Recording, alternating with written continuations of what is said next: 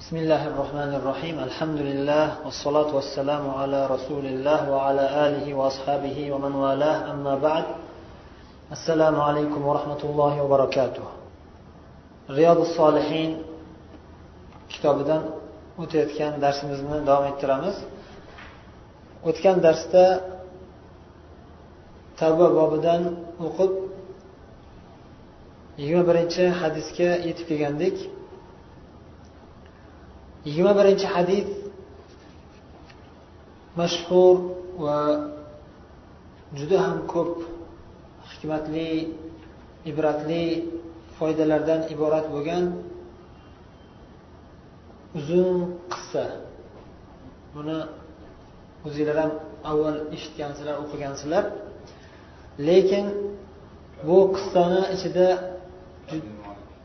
bu qissani ichida juda ham ko'pdan ko'p foydalar bor. Har safar o'qiganingizda avvalgi o'qiganingizda hayolingizga kelmagan foydalar chiqadi. Har safar o'qiganingizda avvalgi safar o'qiganingizda hayolingizga kelmagan foydalar chiqayotganini ko'rasiz. Sababi bu qissa juda ham ko'p voqealarga bog'lanadi. Juda ham ko'p voqealarga bog'lanadi va bu voqealar hatto qur'oni karimda zikr qilingan. Qur'oni karimda zikr qilingan buyuk hodisalar buyuk payg'ambarimiz sollallohu alayhi vasallamning g'azovatlariga bog'lanadi va umuman olganda siyrati nabaviyaga bevosita bog'lanadi. Payg'ambarimiz siyratlariga bevosita bog'lanadi. Shuning uchun bu qissani qayta qayta o'qishga hech ham malollanmaslik kerak. chunki inson o'zini foydasini o'ylasa bunday qissalardan juda ham ko'p ibratlarni oladi biza balki bir darsda hammasini o'tolmaymiz bu aniq narsa bir necha juzga bir necha qismga taqsimlab bo'lsa ham inshaalloh hammasini o'qib chiqishga harakat qilamiz عن عبد الله بن كعب بن مالك وكان قائد كعب رضي الله عنه من بنيه حين عمي. قال سمعت كعب بن مالك رضي الله عنه يحدث بحديثه حين تخلف عن رسول الله صلى الله عليه وسلم في غزوة تبوك. إلى آخر القصة. abdulloh ibn kab ibn molik ismli tabiiy tobeinlardan bu kishi o'zlarining otalari kab ibn molik al ansoriy roziyallohu anhu aytib bergan qissalarini hikoya qilib berishni boshladilar. Bu kishi abdulloh ibn kab o'zlarining otalarini yetalab yuradigan farzandlari bo'lganlar. Kab ibn molik ulug' yoshli bo'lib qolgan paytlari ko'zlari ojiz bo'lib qolgandi. Ko'zlari ojiz bo'lib qolganligidan kimdir albatta yetalab yurish kerak namozlarga masjidlarga boshqa ziyoratlarga borish kerak bo'lsa kimdir yetalab yurish kerak. Bir qancha farzandlari bor lekin ular ichidan ajrab turadigan ilmga ko'proq qiziqqanlari abdulloh bo'lsalar kerak. Shu abdulloh kabi molikni o'g'illari yetalab yurardilar otalarini. Aytyaptilarki otam kab ibn molik roziyallohu anhu quyidagi hadis ya'ni qissa bu yerda hadis deganda umumiyroq ma'noda. Ichida hadis ham keladi va umuman olganda qissa bu. O'zlarining qissalarini gapirib berayotganlarini eshitdim. Qaysi qissalarini desangiz aytyaptilarki an sollallohu alayhi vasallam g'azvati tabuk. Tabuk g'azotida rasululloh sollallohu alayhi vasallamdan qolib ketib ya'ni rasululloh sollallohu alayhi vasallam bilan birga g'azotga chiqmasdan taxalluf bo'lib ya'ni orqada qolib ya'ni madinada qolib ketganliklarini ana shu vaqtda bo'lgan voqeani o'zlarini boshlaridan o'tgan qissani aytib beryaptilar. Qola kab kab roziyallohu anhu boshladilar qissani aytdilar لم أتخلف عن رسول الله صلى الله عليه وسلم في غزوة غزاها قط إلا في غزوة تبوك rasululloh sollallohu alayhi vasallam qaysiki bir g'azotga chiqqan bo'lsalar men u g'azotdan u jangdan orqada qolmaganman hamma janglarda qatnashganman qasddan qasddan ataylab hech qaysi bir jangdan orqada qolib ketmaganman. Hamma jangda qatnashganman. Illa fi tabuk. Magar mana shu tabuk g'azotida orqada qolib ketganman qasddan o'zim bilib turib ya'ni jihodga ketilayotganini g'azotga ketayotganini bilib turib orqada qolib ketganman. Bundan boshqa hech qaysi g'azotda bunday holat bo'lmagan manda hammasiga chiqardim illo bitta yana g'azot bo'lgandi uni aytadilar badr. Badr jangidan ham orqada qolib ketgandim. Badr jangida ham qatnasha olmagandim. Lekin farqi shuki badr jangi bilan tabuk g'azotidagi qatnashmasliklarini farqi juda katta.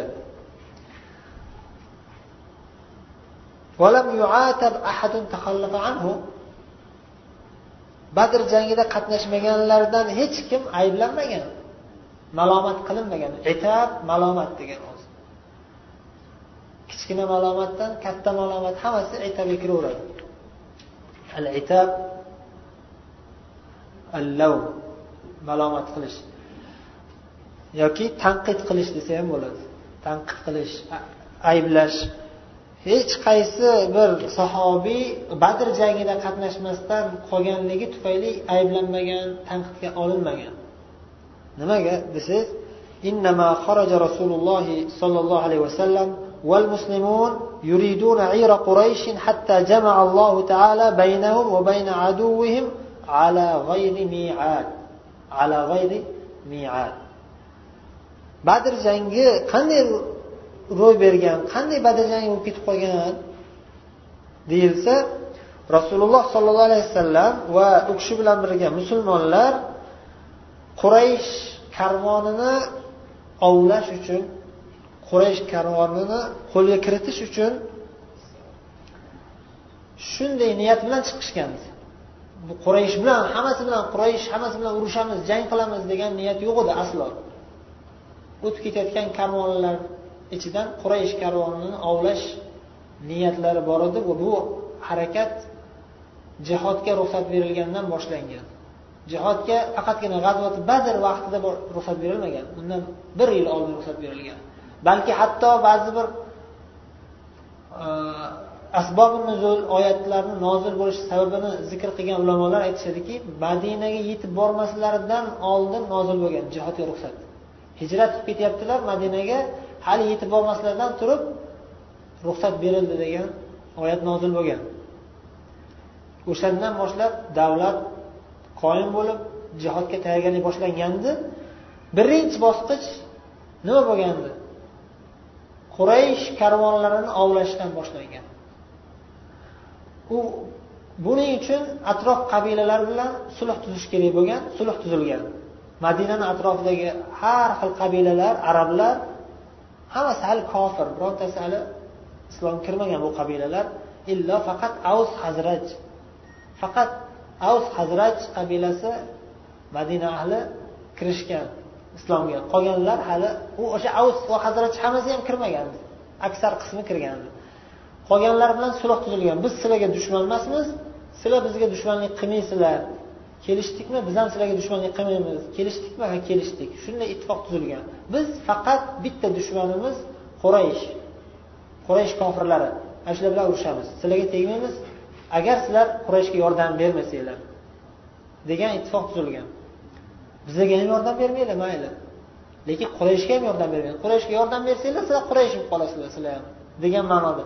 Shu narsaga kelishilgan faqat bitta quraysh bilan urushish urush boshlangan va urush birinchi bosqichi nima bo'lgan dedik. Karvon ovlash bilan. Eng oson narsa shu. Alloh taoloni taqdiri bo'lib madina o'rtada joylashgan. Makka janubda shimolda shom diyori har safar qishda shom diyoriga borish kerak bo'ladi. Quraysh. Bo'lmasam tirikchiligi bo'lmaydi. Tirikchiligi shunga bog'langan. Qishda e, shomga boradi yozda yamanga boradi. Allohu alam. Xullas kalom mana shu karvonni ovlashdan boshlangan. Urush e'lon qilingan. Musulmonlarni qayerda ko'rsa ular o'ldirib yotibdi mushriklar mol mulklarini talon taroj qilib olib tashlagan makka mukarramada qancha musulmonlarni o'ldirgan qanchasilarni qamab hijratdan man qilgan urush ochiq oydin. Shunday bo'lgandan keyin karvonlarni olishga shak shubhasiz haqqilari bo'lgan. Buni hamma qabilalar ham to'g'ri tushungan. Keyin kab aytyaptilarki men mana shu badr jangiga qatnasholmay qolganim sababi bular jang qilamiz deb chiqib ketishmagan. Shu ovlab keladi. Oddiy narsa bu. Ko'p ko'p uchragan bu narsa. Ya'ni bu badrdan oldin bir yil davom etgan bo'lsa bu holat bu bosqich. Bir qancha karvonlarni ovlashgan hujum qilishgan. Chunki karvonga hujum qiladigan yuzta ikki yuzta odam yetadi. Yuzta ikki yuzta bilan bitta karvon yuzta odam bo'lsa ham yuzta tuyasi bo'lsa ham ularni quroli yo'q unchalik. Kuchi yetmaydi ularni. Taslim bo'ladi shunday ularni o'zini asirga olib turib mm, fidya muqobiliga ozod qilib yuboriladi. Qolgan hammasi musulmonlarga qoladi. Tuyalaru tuyani ustidagi mollar hammasi. Mana shunday bo'lsa kerak bu safar ham. Ba'zida qochib ketib qolyapti ba'zida qo'lga olinyapti. Degan ma'noda ko'pchilik chiqishmagan. Payg'ambarimiz hatto ruxsat bermaganlar kutishga badr jangidan oldin mana shu qurayishni karvoni qaytib kelayotgan ekan. Ketayotganda hujum qilishganda abu sufyon boshchiligidagi karvon qochib ketishga ulgurgan. Qochib ketib olgan shom diyoriga.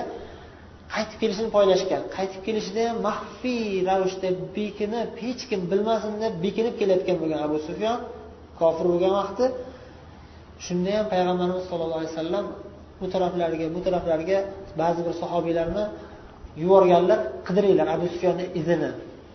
Tahassus degani to'g'ri bo'ladi o'sha. Tajassus yomonlikka ishlatiladi tahassus yaxshilikka ishlatiladi tahassus qilib ya'ni izini bilish degan. His sezish sezgirlik sezgirlik uchun yuborardilar. Va o'zlari ham u yoqdan bu yoqdan keyin xabarni xulosa chiqarib rasululloh sollallohu alayhi vasallam abu sufyan yaqinlashibdi. Ketdik hozir qochib ketib qolishidan oldin biz hozir yo'lga chiqishimiz kerak. Kim tayyor bo'lsa ergashsin menga dedilar. Allohu akbar ketdilar. O'sha zahoti tayyor bo'lganlar uch yuz o'n to'rtta kishi bo'lgan. Boshqa sahobiylar ey rasululloh shunday avvalida mani otim o'sha yerda edi hovli bog'imda mazrag'imda istirohada shuni bir olib kelay desa biz hech kim kutmaymiz. Ketdik ketib yuborganlar uch yuz o'n to'rtta sahobiy bilan yo'lga chiqib ketishgan. Keyin abu sufyon u ham juda zakovatli odam. Baribir har qancha ehtiyot bo'lsak ham bu muhammad judayam o'tkir odam. Bizdan ham o'tkir odam. Biz baribir dengiz tarafga qochaveraylik. Yaxshisi madinaga yaqinroq yurmasdan o'ng tarafga burilib dengizga qarab yuraveraylik deganda ehtiyot chorasini ko'rib yambo tarafga yambodan oldinroq o'ngga burilib uzoqdan yurib ketgan. Va rasululloh sollallohu alayhi vasallam zakovatlilar uchun ham dengizga tekis shunday kesib chiqmaganlar. Yambo badrga badrni bilasizlar o'sha badr tarafga yurganlar ya'ni bu yurish yo'nalish qanday bo'ladi? Janub g'arb bo'ladi. Agar to'g'ri janubga yursa makkaga ketadi. Bu yoqqa to'g'ri g'arbga ketsa dengizga chiqadi kesib chiqadi to'g'ri chiqadi. To'g'ri chiqsalar abu sufyon o'tib ketmagan bo'ladi. Buni sezganlar to'g'ri makkaga borsalar ham bo'lmaydi. Nima qilganlar? Janub g'arbga yurganlar. Janub g'arb o'rtaga yurganlar kesib chiqish uchun. Abu sufyon shoshilib bu yoqdan ketaversa biz bu yoqdan yetib olamiz deganlar lekin abu sufyon yugurgan. Qochdik tezroq deganda qochib o'tib ketgan. Bu narsani bilishmagan. Alloh taolo xabar bermagan. Qasddan olloh o'zi hikmatli buyuk narsani taqdir qilishni xohlagan. O'shaning uchun aytyaptilarki ala g'ayri mi'ad. Alloh taolo jamlab qo'ydi ularni va ularning dushmanlari quraysh kofirlarini badrda ular hech qanday va'dalashmasdan jamlanib qolishdi. Olloh ularni jamlab qo'ydi. Ya'ni va'dalashilmadi. Ya'ni qurayshga aytilmadiki kelinglar badrda sizlar bilan jang qilamiz deb. Quraysh ham aytmadiki sanlar bilan badrda jang qilamiz badrga kellaring demadi va madinaga bostirib kelayotgandi ular. Lekin badrda uchrashib qolishdi. Qurayshga abu sufyan ogohlantiruvchi odam yuborgandi. U madinaga yaqinlashishdan oldin ehtiyot chorasini ko'rib mabodo qo'lga tushib qolishimiz mumkin? Muhammad biz shomga ketayotganimizda bizni quviladi zo'rroq qutulib qoldik. Tezroq kelmasanglar endi biz hamma boyliklaringlar bilan biz musulmonlar qo'liga tushib qolamiz. Deganda abu jahl utbat ibn robia shaybat ibn robia va hokazo kazo kazolar qurayshni eng katta tog'utlari g'azab ustida shunday jahl qilib abu jahl borib madinasi bilan yakson qilib kelmasak bularni tinchitib kelmasak bo'lmas ekan deb yo'lga chiqqan mingta askar bilan. Va abu sufyan qutulib ketib qolgandan keyin abu sufyan yana xat yozadiki tezroq qaytinglar urushmanglar iltimos urushish keragi yo'q biz qutulib oldik deb abu sufyon bilardida rasululloh sollallohu alayhi vasallam va u kishini atrofidagilar qanaqa sahobiy qanaqa zotlarligini ya'ni ular haq ustida birinchidan uni biladi. Ikkinchidan qaytmaydi ular o'lguncha qaytinglar yaxshisi urushmanglar. Majbur bo'lib qolsang urushinglar degan ma'noda man sizlarga xat yozgandim degan ma'noda ya'ni ayni shu lafzlar bilan emas ya'ni o'sha narsa bilganligidan shunday yuborgan. Lekin abu jahl g'azabga minib orqaga qaytmaymiz deb turib oladi. O'zi bir ming uch yuzta bo'ladi ular. Bani zuhra qaytib ketadi. Uch yuztacha qabila a'zolari bilan qaytib ketadi. Shunda mingta bo'lib qoladi ular. Maqsad bu kishi kabi molik aytyaptilar men bilmay qolganman urush bo'lishini va menga o'xshaganlar ko'p bo'lgan chiqmay qolganmiz bilmay qolganmiz. Katta yaxshilikdan qolib ketganmiz to'g'ri lekin bu biz niyatimiz bilan qasdimiz bilan bo'lmagan. Nasib endi bu. Badr jangi lekin juda katta fazilat. Hozir u kishi ham o'zlari shu narsani ishora qiladilar. Badrga qatnasholmay qolgan sahobiylar qattiq alam qilish alam bo'lgan ulardada qasam ichishgan. Jumladan kim? Anas ibn nadir ansoriylardan vaholanki ansoriylarga farz emasdi badrga chiqib urushish madinada himoya qilamiz sizni deb bayat berilgan. Ansoriylar payg'ambarimizga bayat berishganda bayatil aqabada madinada sizni himoya qilamiz deb bayat berishgan. Lekin ular iymonni halovatini topishgandan keyin madina emas u kerak bo'lsa narigi dunyoga ham borib himoya qilaveramiz. O'zi aytishganku dengizga ketdik desangiz dengizga kirib ketamiz. Hazramotga ketdik desangiz hazramotga ketamiz biz. Biz urushda eng qattiq turib beradigan odammiz deb sad aytganlar va hokazo boshqa sahobiylar iymonni halovatini topishganligi uchun. O'shalardan bittasi anas ibn nodir man badrga borolmay qoldim manga nasib qolmay nasib qilmay qoldi shu. Endi agar rasululloh bilan kofirlar o'rtasida yana bir jang bo'ladigan bo'lsa deganlar. Hali olloh ko'radi man nima qilishimni deganlar. Qasam ollohgaki olloh meni nima qilishimni ko'radi hali jangda deganlar uhud jangida badrdan keyin bir yildan keyin uhud jangida shahid bo'lganlar. Anas ibn nodir shahid bo'lganlarida bironta a'zolari tinch salomat qolmagandi hamma yoqlari yaralanib hech kim tanimaydigan yuzlari ham hamma yoqda nayzalar bilan kamonlar bilan jarohatlanaverib hech kim tanimaydigan daraja bo'lib ketgan. Hatto hatto singillari faqatgina barmoq izidan tanigan xolos. Barmoq izidan mana shu meni akam deb tanigan. Shu gaplarda turganlar va adashmasam shu kishini qissalarida edi. Bironta yara orqadan emas deyishgan. Hammasi oldindan ya'ni orqaga qochaman degan narsa bo'lmagan. Hujum qilib ketavergan oldinga qarab kofirlarga qarab. Har qancha yarador bo'lsa ham qaytmasdan ketavergan. Hamma yaralar oldindan bo'lgan. Orqadan hech kim urmagan. Orqadan musulmonlar kelayotgan bo'lgan. Demak badr jangi juda katta jang bo'lgan juda katta fazilat bo'lgan. Bu jang badr jangiga badr jangida qatnashganlarga alloh taolo xitob qilib degan. Nima qilsanglar qilaveringlar endi. Sizlarni gunohinglar kechirildi dedilar yana bir hadisda jabroil alayhissalom aytadilarki badr jangida qatnashganlarni sizlar qanday hisoblaysizlar deyilganda payg'ambarimiz sollallohu alayhi vasallam bizda eng ulug' insonlar hisoblanadi. Desa malaikalardan ham badr jangida qatnashgan malaikalar eng ulug' malaikalar hisoblanadi deganlar. Demak bu badr jangini fazilati katta. Buni qatnasholmay qolganliklari katta fazilatdan qolib ketishlikka dalolat qiladiyu ammo gunoh bo'lmagan. Gunoh bo'lmagan chunki bu mustahab amal bo'lgan. Mustahab amal bo'lgan tayyor bo'lib chiqib ketganlar shunga erishishgan. Lekin bu kishi o'zlariga tasalli berib aytyaptilarki shunday buyuk fazilatdan orqada qolgan bo'lsam ham buni muqobilida boshqa bir fazilatga erishganman deb eslatyaptilar. ولقد شهدت مع رسول الله صلى الله عليه وسلم ليلة العقبة حين تواثقنا على الإسلام وما أحب أن لي بها مشهد بدر وإن كانت بدر أذكر في الناس منها در حقيقة من رسول الله صلى الله عليه وسلم عقبة كيتشاس عقبة بيعت ذا يعني برينش بيعت أنصاري لار madinaga payg'ambarimiz sollallohu alayhi vasallam chaqirishgan keling bizga biz sizni himoya qilamiz sizga davlat qurib beramiz degan ma'noda aytishganda rasululloh ularning va'dalarini olganlar. Man borsam shu gapinglarda turasizlarmi va'da berasizlarmi himoya qilishga o'zinglarni joninglarni o'zinglarni ahli oilanglarni qanday himoya qilamiz desanglar meni ham ana shunday himoya qilasizlar shunga va'da berasizlarmi deganlar shunga va'da berishgan bu makkada bo'lgan. Aqabada. Makkada aqaba degan tepaliq degani o'sha yerda bo'lgan. O'sha yerda qatnashganlar. Kabul molik birinchi islom kirgan ansoriylardan bo'lganlar.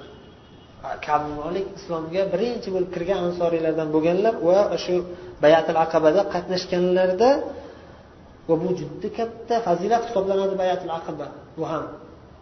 Lekin bu tor doirada bo'lganda ansoriylar doirasida bo'lgan faqat. Muhojirlar bunday bayat aqabada qatnashmagan. Nima bo'lganda bayat aqaba bayatil aqaba jang emas urush emas qatl degan narsa bo'lmagan u yerda. Faqat bayat berish bo'lgan maxfiy ravishda uchrashib bayatlashishgan. Baribir katta fazilat. Rasulullohga shunday bayat berib va o'sha narsa ustida turishgan o'sha hodisada shu bayatil aqabada qatnashganliklari bu kishiga suyukliroq bo'lyapti. Aytyaptilarki mana shu bayatil aqaba bilan sen badr jangini almashtirasanmi desa man badr jangidan ko'ra menga bayatil aqaba afzal deb bayatil aqabani baribir ustun qo'yardim man deyaptilar. Nimaga desa chunki baribir undan oldin bo'lgan. Ba'zi ansoriylar nima bo'lgan? Keyin islom kirgan keyin badr jangida qatnashgan. Bayatil aqabada qatnasholmagan men unday bo'lishni xohlamayman. Mayli badr jangida qatnasholmagan bo'lsam ham lekin ulardan oldin islom kirganman. Bayatil aqabada bayat berib qatnashganman. Bu fazilat u fazilatdan afzal deb bilaman. Undan oldin islom kirib undan ko'p amal qilib yurganligi jihatidan. Vallohu alam.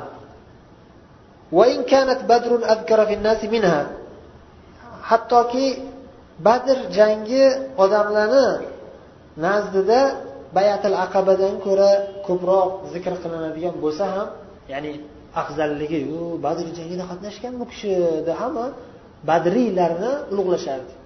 Bir sahobiyni fazilatini aytishamiz deyishsa hada badriy deyishardi. Bu badriy bu badrda qatnashgan bu deyishardi. Lekin hada bayatil aqabada qatnashgan bu deb ko'p zikr qilishmas edi. badriy deb ko'p zikr qilishadi ko'pchilik badrni afzal ko'rsa ham lekin men bayatil aqabaga almashtirmayman badrni deyaptilar وكان من خبري حين تخلفت عن رسول الله صلى الله عليه وسلم في غزوة تبوك أني لم أكن قط أقوى ولا أيسر مني حين تخلفت عنه في تلك الغزوة.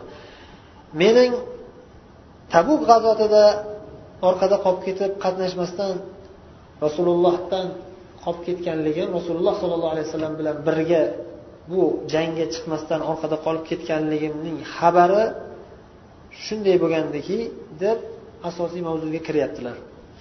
Anni qattu aqwa wala minni hina takhallaftu ana shu g'azotda orqada qolgan paytim shu g'azotda qatnashmasdan qolib ketgan paytim men shunday bir holatda edimki biror bir vaqt undan oldingi g'azotlarida biror marta mana shu tabu g'azotidagi bo'lgan vaqtdagiday kuchli emas edi va mol mulkim ko'p emas edi. Tabu g'azotida qarang hamma tomonlama mukammal holatda edim deyaptilar. Dunyoviy jihatdan qaraganda. A'zolarim baquvvat sog'ligim salomat holatda edim vala aysara ya'ni yengilligim ya'ni mol mulkim ko'p mol mulkim ko'p boyib turgan paytimda jihodga ketsam oilam och qoladi bunday bunday degan narsalar yo'q edi. Eng boy bo'lgan vaqtimga to'g'ri keldi eng baquvvat bo'lgan vaqtimga to'g'ri keldi tabuk g'azoti deyaptilar.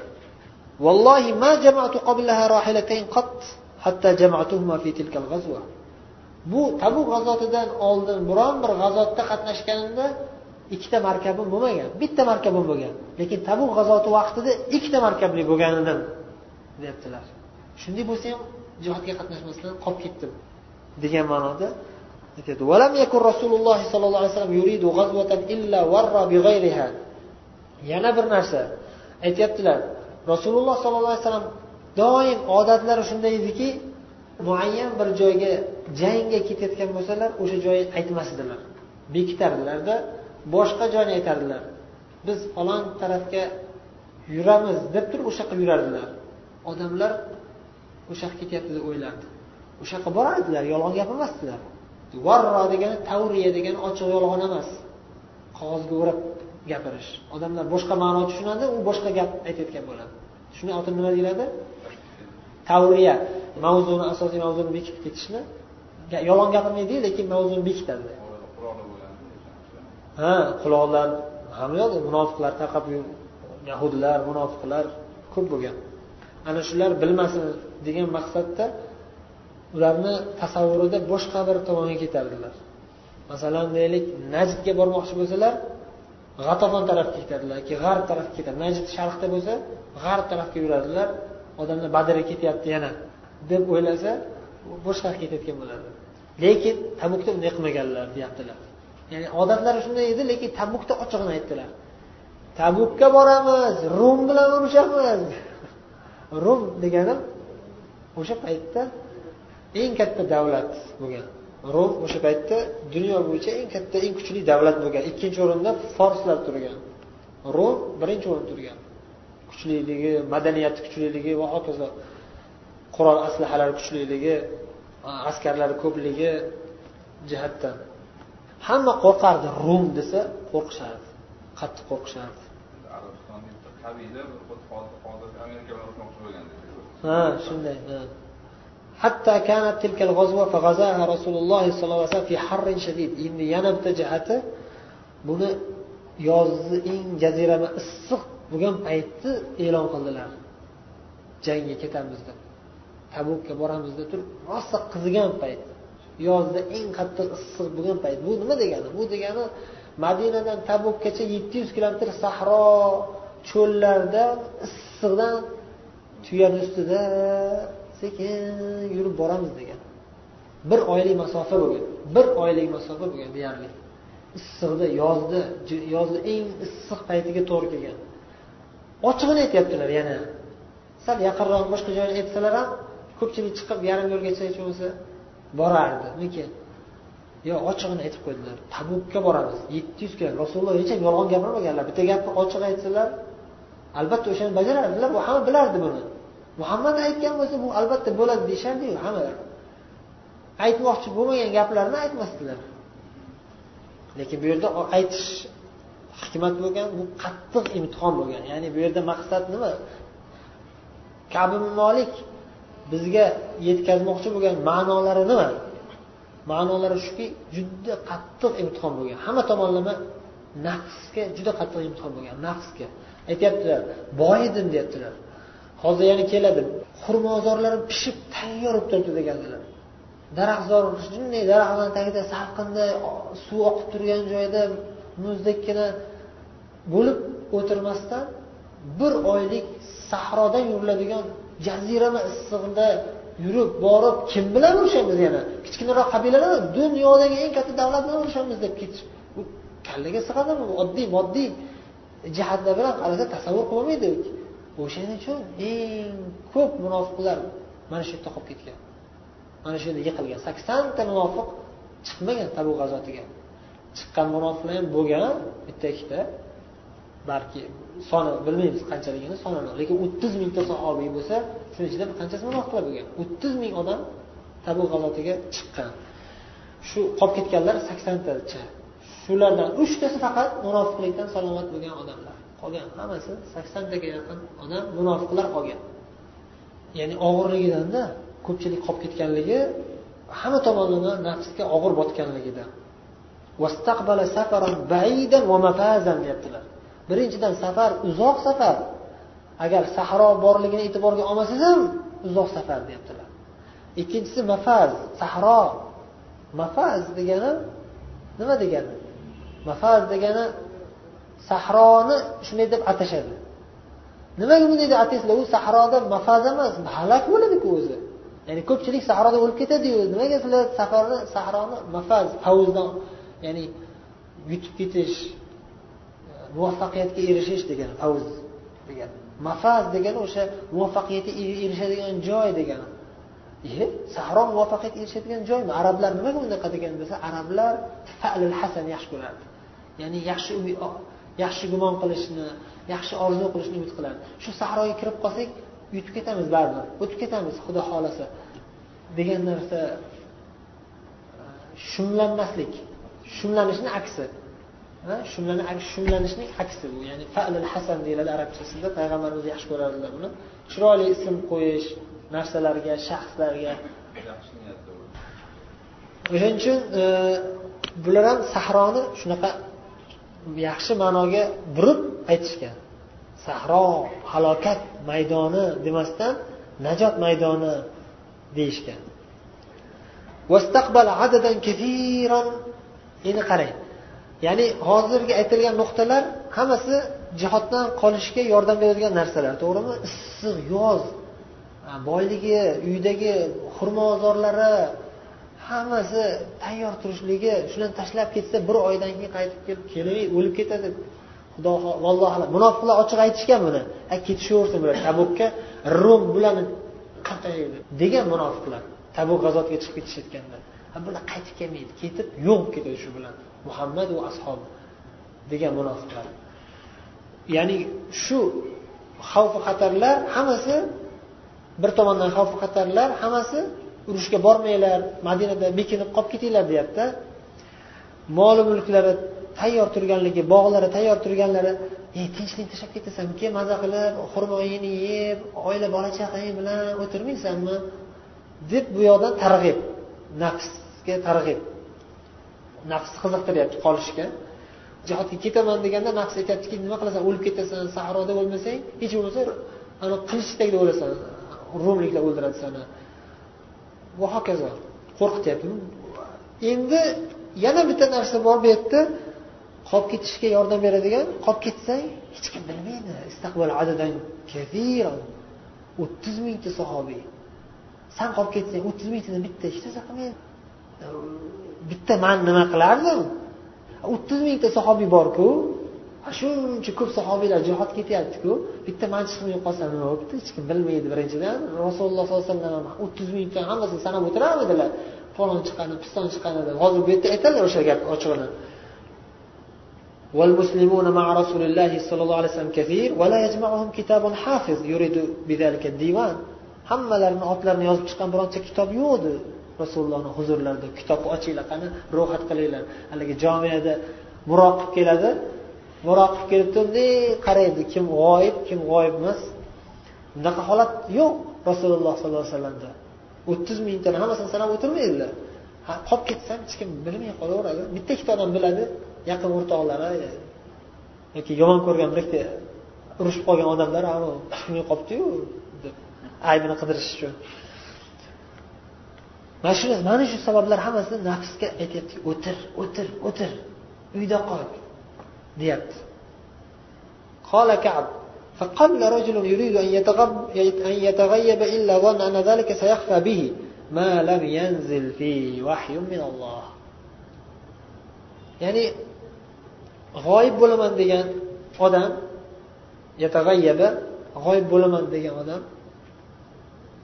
g'oyib bo'layotganlar jangga chiqmasdan qolib ketayotganlar o'zini ichida aytardiki gumonida o'zini fikrida xayolida o'ylardiki man hech kim bilmaydi bir chekkada qolib ketaman.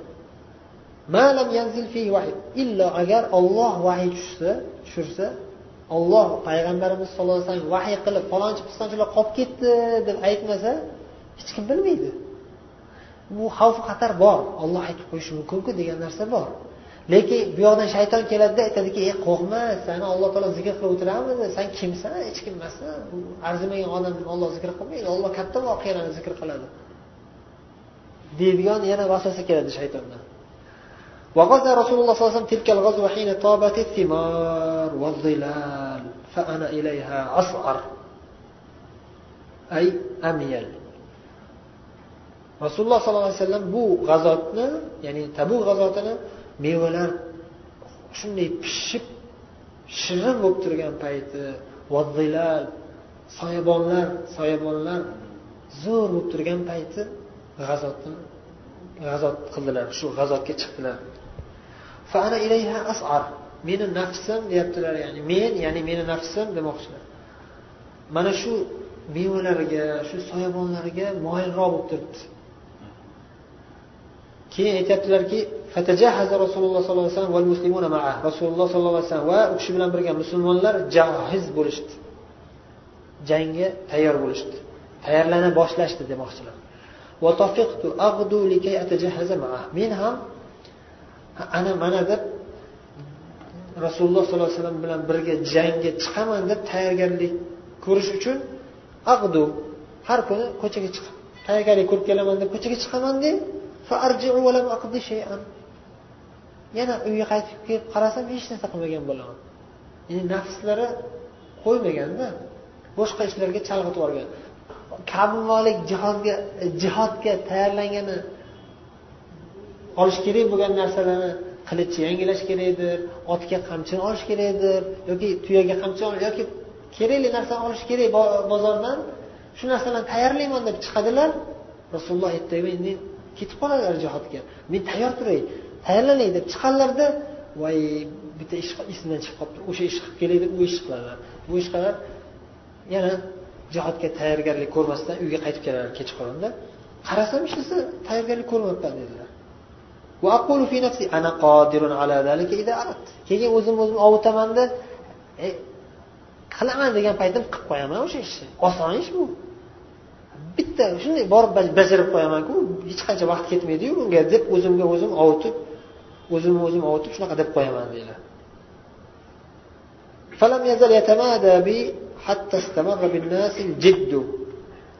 mana shu holat davom etaverdi davom etaverdi odamlar qarasam jiddiy boshlandi jihodga ketish harakati jiddiylashib ketdi فأصبح رسول الله صلى الله عليه وسلم غاديا والمسلمون معه shu kun keldiki rasululloh sollallohu alayhi vasallam u kishi bilan birga musulmonlar yo'lga chiqib ketishdi.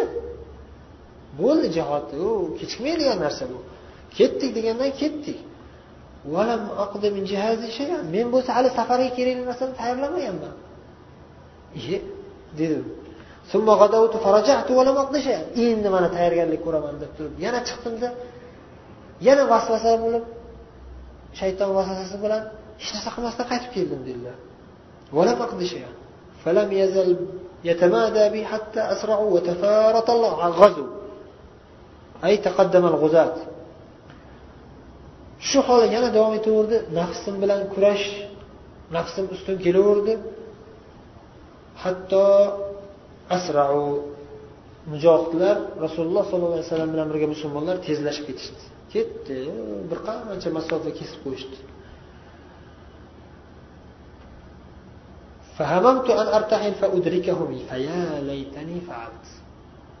Endi nima bo'lsa ham kech qolib ketmasdan orqalaridan yetib olishim kerak deb qattiq qasd qildimda bir nimadir sabab bo'lib qilmasdan keyin aytyap qilolmaganliklaridan keyin aytyaptilarki ya laytani faalt ya laytani koshki edi men faaltu shu ishni qilsam bo'lardi ya'ni kech qolib ketdim demasdan ey ancha yurib qo'yishdi endi yetib olarlarmikin man orqada qolib ketdim demasdan yetsam ham yetaman yetmasam ham shu aybim bilan o'zim nima bo'lsa ham bo'ldi. Endi bundan battar kech qolmay deb chiqib ketsam bo'lardi deyaptilarda. Afsus chekib shu ish qilmaganliklaridan. Shu narsa taqdirda men yozilmagan ekan shunday bo'lib qolib ketdim. فطفقت إذا خرجت في الناس بعد خروج رسول الله صلى الله عليه وسلم. يحزنني أني لا أرى لي أسوة إلا رجلا مغموصا عليه في النفاق أو رجلا ممن عذر الله تعالى من الضعفاء. endi hamma ish bo'lar ish bo'ldi hamma ketib bo'ldi men qolib ketdim odamlar qolgan madinadagi qolgan odamlarni orasiga chiqaman desam rasululloh chiqib ketib bo'lganlaridan keyin o'ttiz ming chiqib ketdi o'ttiz ming odam chiqib ketdi u paytda. Hozir o'sha paytdagi miqyosni hozirgiga taqqoslab ko'ramiz desangiz madina bir milliondan ko'p hozir. O'ttiz ming madina o'sha payt yigirma ming o'ttiz ming bo'lgan xolos o'zi sahobiylar. Ayollar bilan hisoblasa ellik mingga borib qolishi mumkin. Bu degani kamida ellik foiz odam chiqib ketdi degani kamida degani. Ya'ni besh yuz ming odam bir kunda chiqib ketdi. Desangiz ham hozirgi holatga solib ellik foiz odam chiqib ketgan bo'ladi. O'sha paytda ellik foiz yoki balki undan ko'p odam chiqib ketgan. Huvillab qoldi deydiyu hech kim qolmadi desa. O'shanga o'xshab qolgan. Endi bu mayli hech kim qolmasa ham ko'zingizga hech kim ko'rinmasa ham uncha bilinmaydi misol uchun. Lekin bu yerda ikkita ikkita odam ko'rinadi.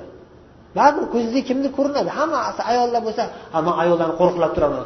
Bu yerda qorovul bo'lib bujoq bo'lib turib desangiz ham sal o'zizni olsangiz ekan agar ruxsat berilgan edi ruxsat berilgan o'zi o'zini odami bor. Ibn maktum tayinlab qo'yilganlar bir qancha odamlar tayinlab qo'yilgan. Ali roziyallohu anhu tayinlab qo'yganlar tabu g'azotida ali roziyallohu anhuni tashlab ketganlar. Sal madinada qolganda amir qilib madinaga.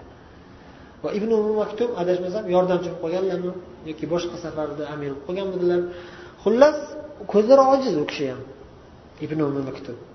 Bu kishi aytyaptilarki odamlar orasiga chiqib namozga chiqsam masalan yoki bozorga chiqsam rasululloh ketganlaridan keyin sahobalar jihodga chiqib ketishgandan keyin menga o'xshagan hech kim yo'q.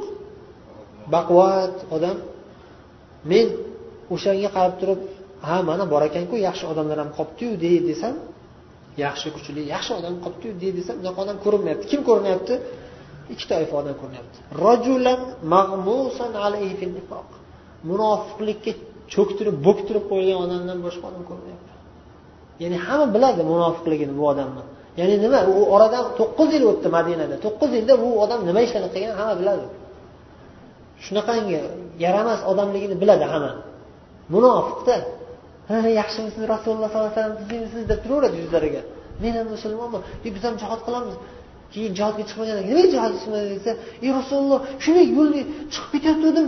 Shu bolam yiqilib tushib oyog'i sinib qolib bu narsa bo'lib qoldida deb bir bahona chiqib qoladi.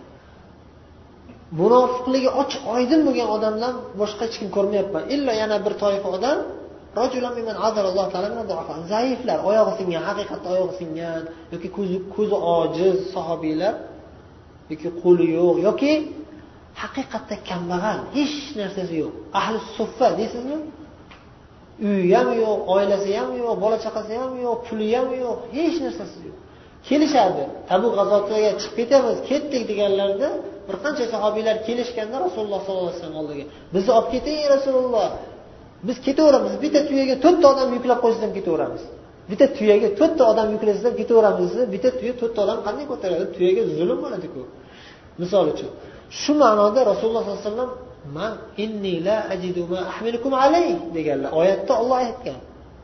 La ajidu ma qulta la ajidu ma ahmilukum alayh sizlarni ko'tarib olib ketgani markab topolmayman. Man nima qilay deganlar.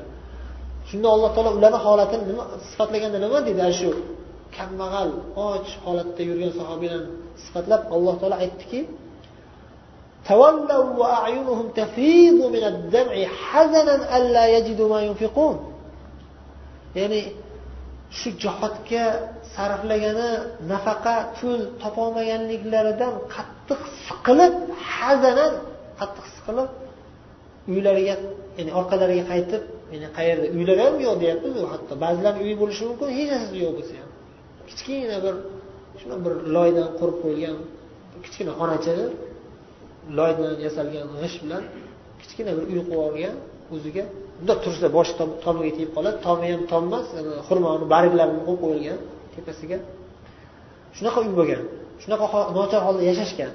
O'shanaqa sahobiylar jihodga chiqolmay qolganda ha bizni hech narsamiz yo'q olloh uzr qilgan bizni uzrimizni qabul qilgan olloh deyishmasdida yig'lashardida ko'zlarini yoshidan ko'zlari yosh oqib yig'lab qaytishardi xafa bo'lib siqilib nimaga desa jihodga qatnasholmayapman nimaga qatnasholmaysan hech narsam yo'q. Sadaqa berib e, jihodga sarflagani. Na tuya na oyoq kiyimsiz yurishgan hatto. Ko'pchiliklar oyoq kiyimlari ham bo'lmagan hatto.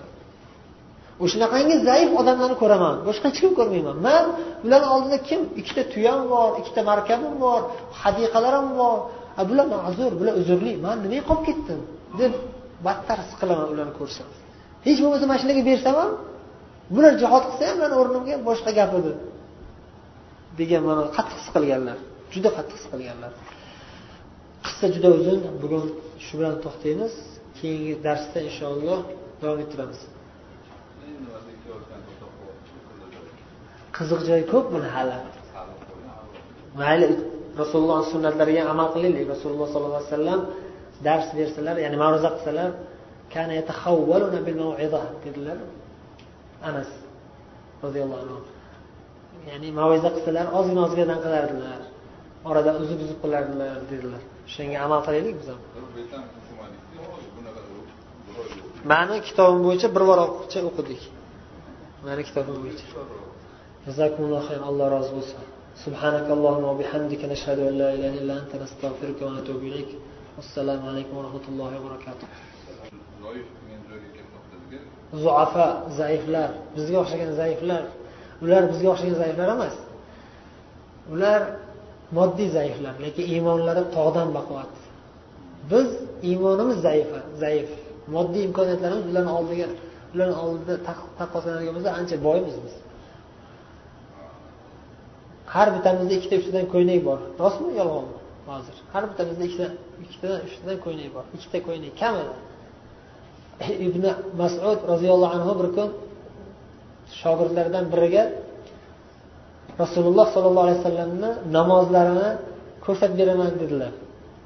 Ikkita kiyimlari bor edi o'sha payt. Bittasini ilib qo'ygandilar.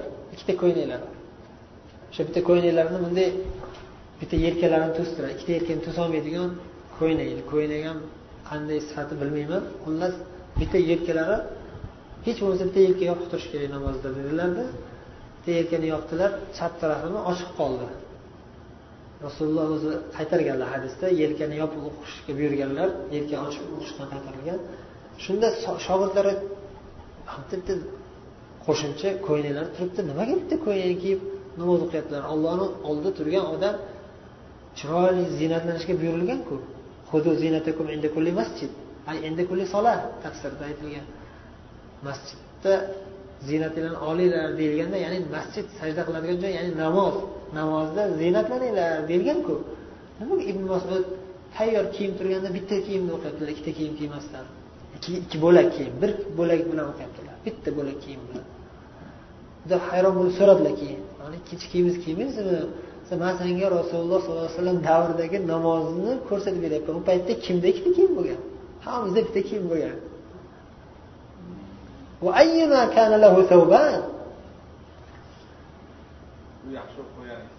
Ikkita bo'lib qolgan yaxshi bo'lib qolgan edi. Va umar roziyallohu anhu minbarda chiqqanlarida aytishardiku yamoqlari ko'rinib turardi qancha joyda yamoq bitta kiyim.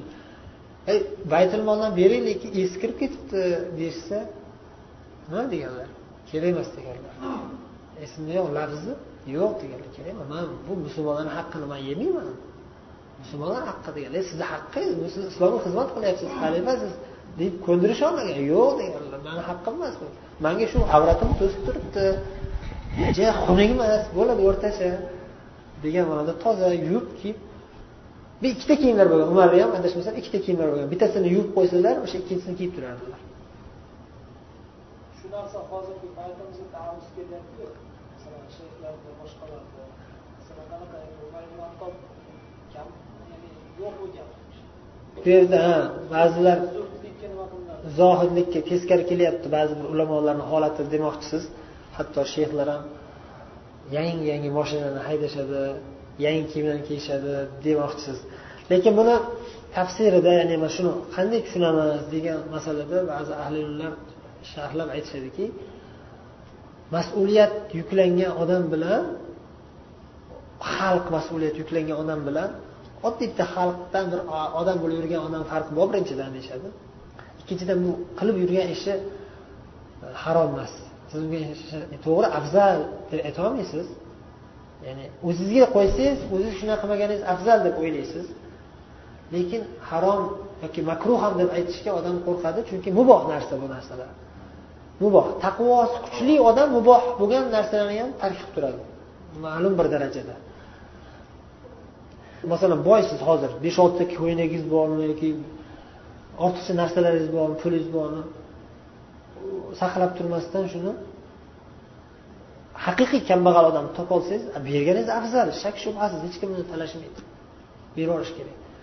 Lekin o'sha o'ziga e'tibor berib o'ziga dunyoviy jihatdan moliyaviy jihatdan moddiy jihatdan e'tibor berib yurgan shayxlar ham ko'p. Endi hammasi ham ibrat olinadigan shayxlar emasda yaxshi odamlar ham bor hozirgi zamonda kam bo'lsa ham lekin o'shalarga o'xshashga harakat qilishimiz kerak biz ham zohidlik haddan oshmaslik kerak lekin dunyoga berilib ketish yaxshi emas alloh asrasin gunohlarimizni kechirsin. Subhanakallohumma bihamdika nashhadu an la ilaha illa anta va ilayk.